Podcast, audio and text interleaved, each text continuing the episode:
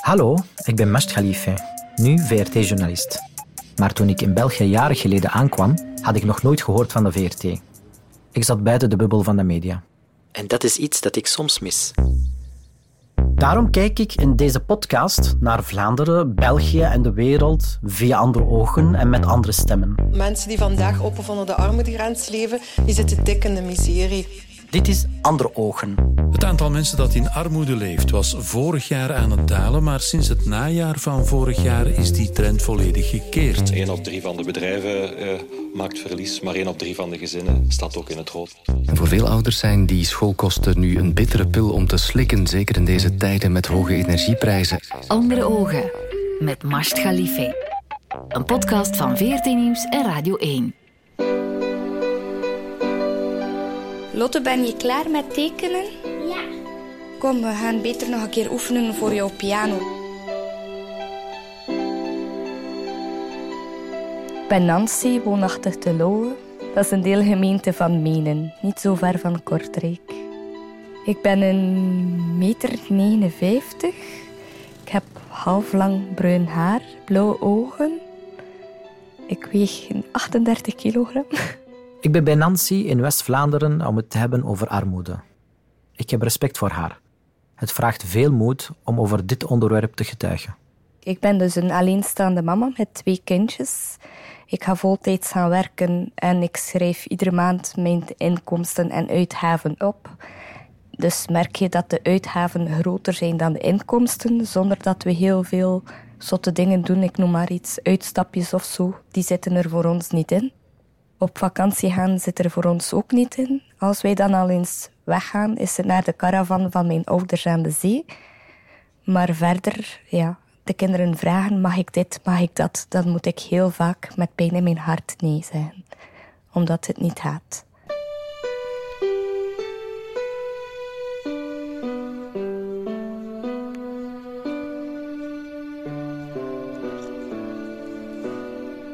Mama, Ja? mijn piano is te klein. Als we naar de winkel gaan, maken we op voorhand een boodschappenlijstje. Ik moet de lage sol spelen, maar de lage sol is er niet. Oei. Dan ga ik voor zover het kan winkelen zonder de kinderen. Omdat die dan, ja, mag ik een snoepje, mag ik dit, mag ik dat. Als het niet kan, dan kan het niet. Dan is het weer al eens van nee zeggen. Maar dan koop ik gewoon de hoofdzakelijke dingen zoals brood, choco. Iets van beleg. De hoofdnoodzakelijke dingen. Door het tekort aan geld moet Nancy constant keuzes maken. En dat zorgt voor frustraties. Ja, ergens wel, omdat je je kinderen alles wilt geven zonder hen te verwennen wat je kan en wat je hebt. En dan krijg je antwoord van de kinderen, ja, maar die heeft dat of die heeft dat in de klas. Dan zeg ik, het kan niet overal hetzelfde zijn, maar toch diep van binnen voel je je gekwetst dat je niet alles kan geven aan je kinderen, wat ze vragen of wat ze willen.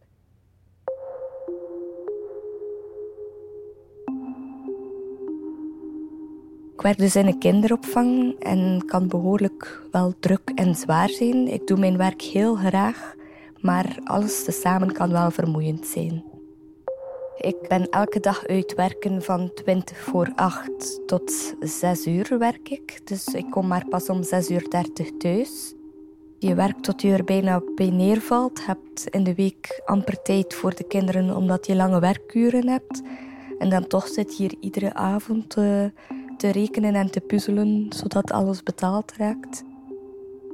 Als ik eh, een beetje rondkijk hier in het huis, dan zie ik wel mooie hoeken en misschien minder afgewerkte hoeken. Inderdaad, het huis was gerenoveerd, maar is natuurlijk ook wel, zoals je ziet, niet afgewerkt. Binnendeuren mankeren, schilderen. Onlangs door de storm had ik ook schade aan de kamer van ons dochter. Die moet uiteraard hersteld worden, maar ook daar moet ik het uitstellen. Ik vloek eigenlijk iedere maand. Nu, het meest van al, denk ik, zoals de meeste mensen, naar het einde van het jaar toe. De afrekeningen die er komen. Ik verplaats me met de auto naar het werk, omdat ik ook op tijd moet zijn voor de kinderen te halen. Dus ook de auto vol tanken kost, ik weet niet hoeveel de dag van vandaag. Maar ja, het kan niet anders, want je moet gaan werken. Want als je niet gaat werken, is er nog een grotere miserie. En de facturen, ja, voor de verwarming, alle kosten stijgen. Dus als je op het einde van de maand, vorige maand al niet toekwam en iedereen doet zijn prijs omhoog, dan kom je de maand erna nog minder toe. Lotte en Hanne, kom, gaan we eten? Ja! Zeg hotdogs. Wat willen jullie van saus? Zet jullie maar aan tafel. Ketchup! Maar je broodje open. Niet te veel. Sowieso het kopen van eten is verduurd. Vooral dat, want je moet je boodschappen doen, je moet eten, je moet drinken, je moet van alles halen naar de winkel. En dan halen wij nog maar de basis. En uitstapjes, ja, die vragen daar wel achter, maar ja, kunnen we helaas niet doen. Nu, ik moet wel zeggen, met hetgeen dat je hier ziet staan, het speelgoed en zo, hebben we ook heel veel te danken aan de VZ2 Armoede Vlaanderen. En ook door hun schenkingen kunnen we af en toe wel eens een pannenkoek gaan eten of toch eens iets heel klein leuk doen. Dus daarom ben ik hen ook wel dankbaar. Dankzij hen heb ik wel de kracht gevonden om terug boven water te komen. Maar vragen om hulp is nooit een makkelijk gevoel. Dat was wel een hele grote stap, omdat je uit een gezin komt waar je eigenlijk ja, niks of weinig tekort had, omdat je had met twee gaan werken en we hadden alle twee eh, wel een mooie job. Dus dat is eigenlijk een stap terug, maar ja, als je ziet wat de kinderen nu hebben, nu, ze zijn niet om te kopen, het is niet met spulletjes dat je ze blij maakt, maar dan is het wel leuk als ze bijvoorbeeld een pop vragen, dat die die kan tevoorschijn toveren uit de kast. Zo kwam er bijvoorbeeld ook onlangs een buurvrouw aanbellen met de vraag of ik nog kledij had van de kinderen, van ons kinderen dan, omdat een vriendin van haar financiële moeilijkheden had. En haar man had gezegd van je mag dat niet gaan vragen, je mag dat niet gaan vragen. Ik zeg jawel, je moet dat vragen, want elkaar helpen is het mooiste wat er is. Komt de Sint langs bij jullie? De Sint komt langs, maar dat is ook ondanks we al een heel jaar de spullen van VZ2 Armoede Vlaanderen zowat aan het sparen zijn.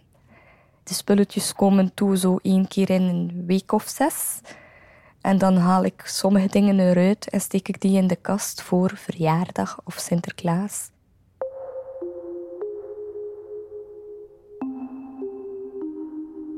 En minder geld betekent niet alleen minder in de koelkast, maar ook minder vrienden. Wanneer ben je voor het laatst buiten gaan eten of iets drinken met de vrienden? Goh, het is zodanig lang geleden dat ik het mij niet herinner. Dus sinds ik alleen ben, nee, ja. Als iemand vraagt van, ga je mee naar de winkel of ga je mee iets gaan uiteten of iets gaan drinken, dan zeg ik wijselijk nee, omdat ik weet dat het op het einde van de maand alleen maar erger is dan. Eh, vind je dat oké? Oké, ergens niet, maar dan denk je terug aan jouw centen en dan ja, is dat wel belangrijker misschien dan eh, het plezier maken. Het sociale moet er ook zijn, maar momenteel denk ik dag per dag. Je denkt wel na over de toekomst, van ik zou dat of dat of dat willen, maar zonder de centen raak je ook niet waar je denkt te willen komen. Hier, jouw map met de noten. Start, doe maar.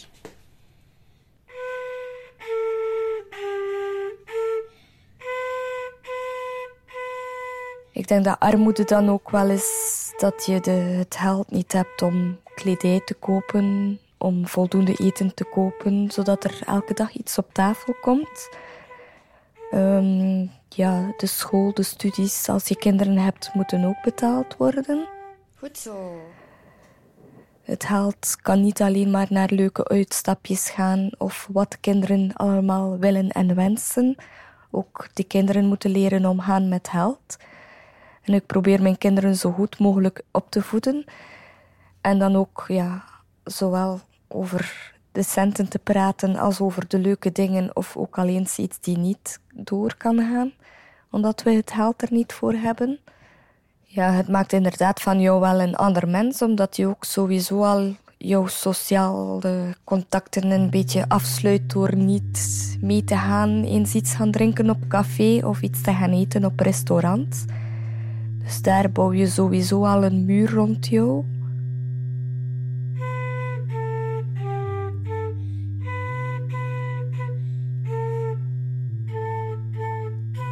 Dit was Andere Ogen. Goed zo, heel flink. Dan gaan we morgen nog eens oefenen, hè?